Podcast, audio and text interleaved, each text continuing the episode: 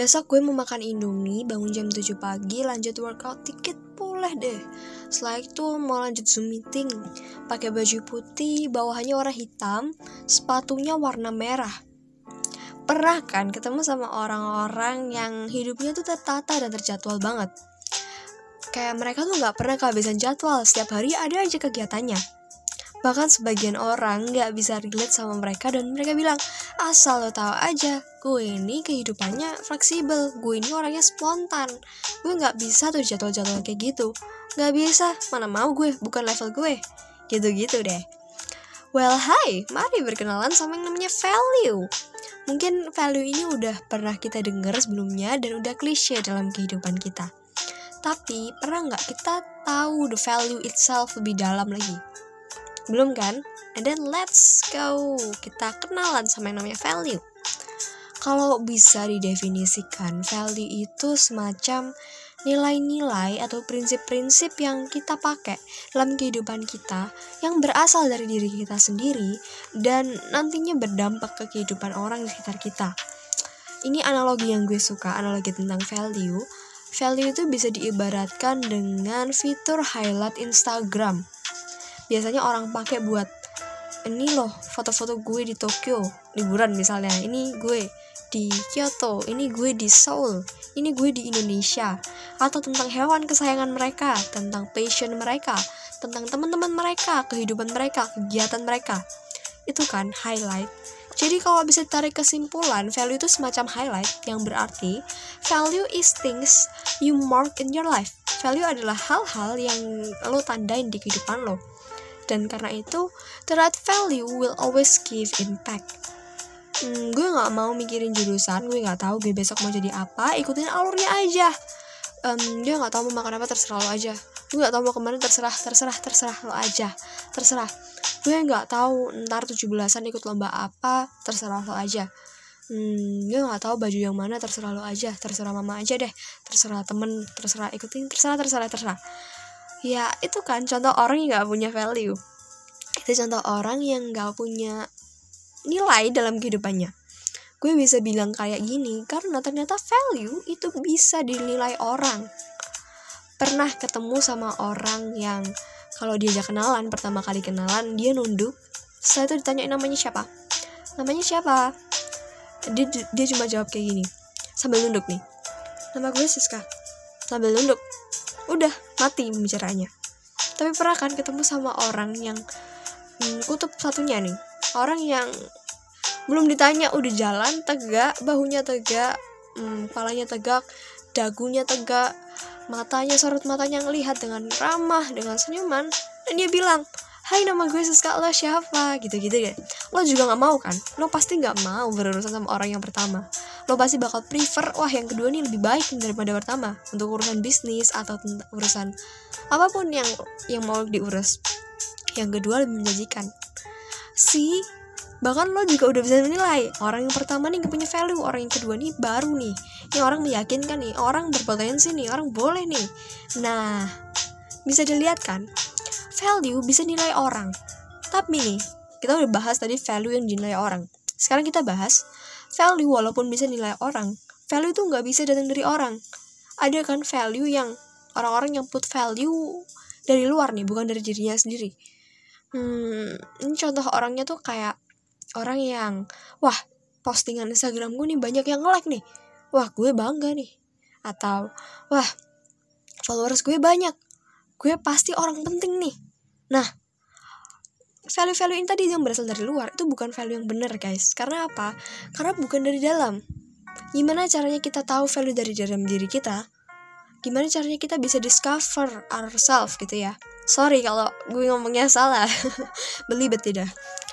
Ya, you should decide mana value lo. Dari buku yang gue lagi baca sekarang, judulnya You Do You ada pembahasan tentang value dan ada contoh 9 personal value menurut psikolog William Moulton Marston dan ini dari dalam bahasa Inggris ntar gue coba translatekan ke bahasa Indonesia dan semoga lo mengerti ya 9 value ini adalah yang pertama ada orang yang put value di estetik atau keindahan.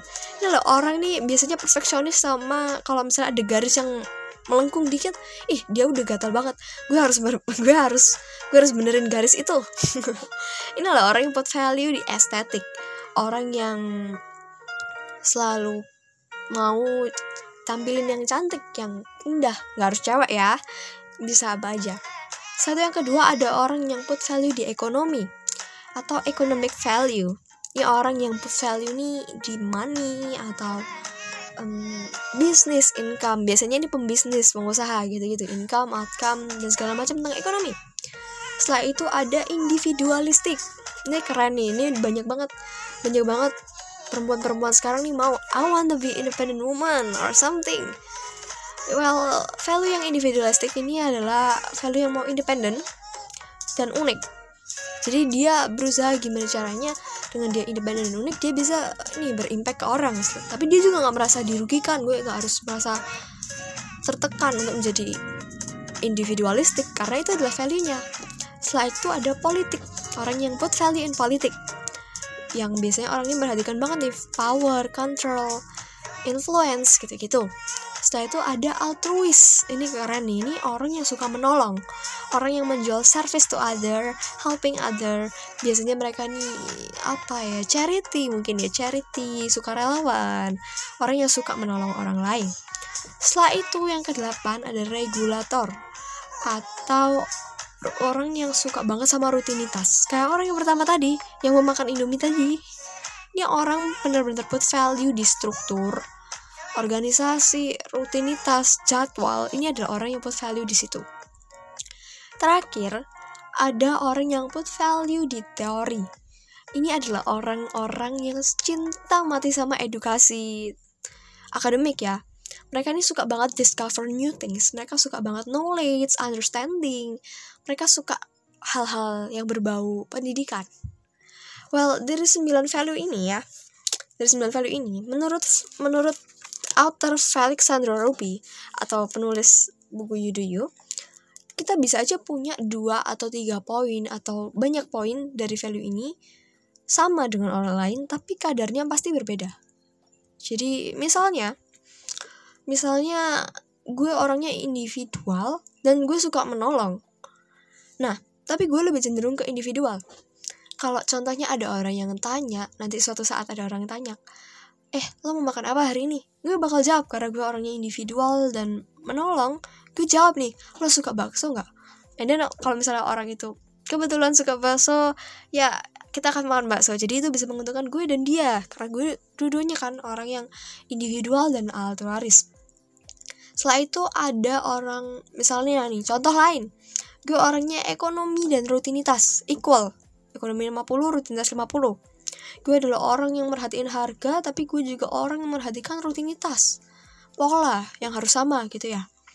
Ntar ada orang yang nanya lo mau makan apa hari ini? Gue bakal jawab yang warung Indomie kemarin aja deh yang kita selalu makan di sana. Harganya kan juga murah.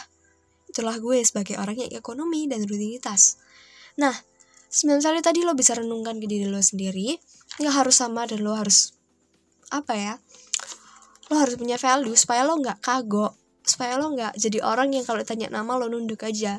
Supaya orang bisa percaya sama lo supaya orang supaya lo juga mengenal diri lo sendiri. Jadi sekarang take your time ambil waktu lo. Lo harus discover yourself aware yourself apa kelebihan dan kekurangan lo dan di mana lo put value. Semoga podcast ini membantu and thank you kalau lo udah dengerin sampai habis. Gue percaya gue percaya lo bisa improve lah. Kita semua bisa improve. Tentang value kita dan segala macam Thank you. Goodbye.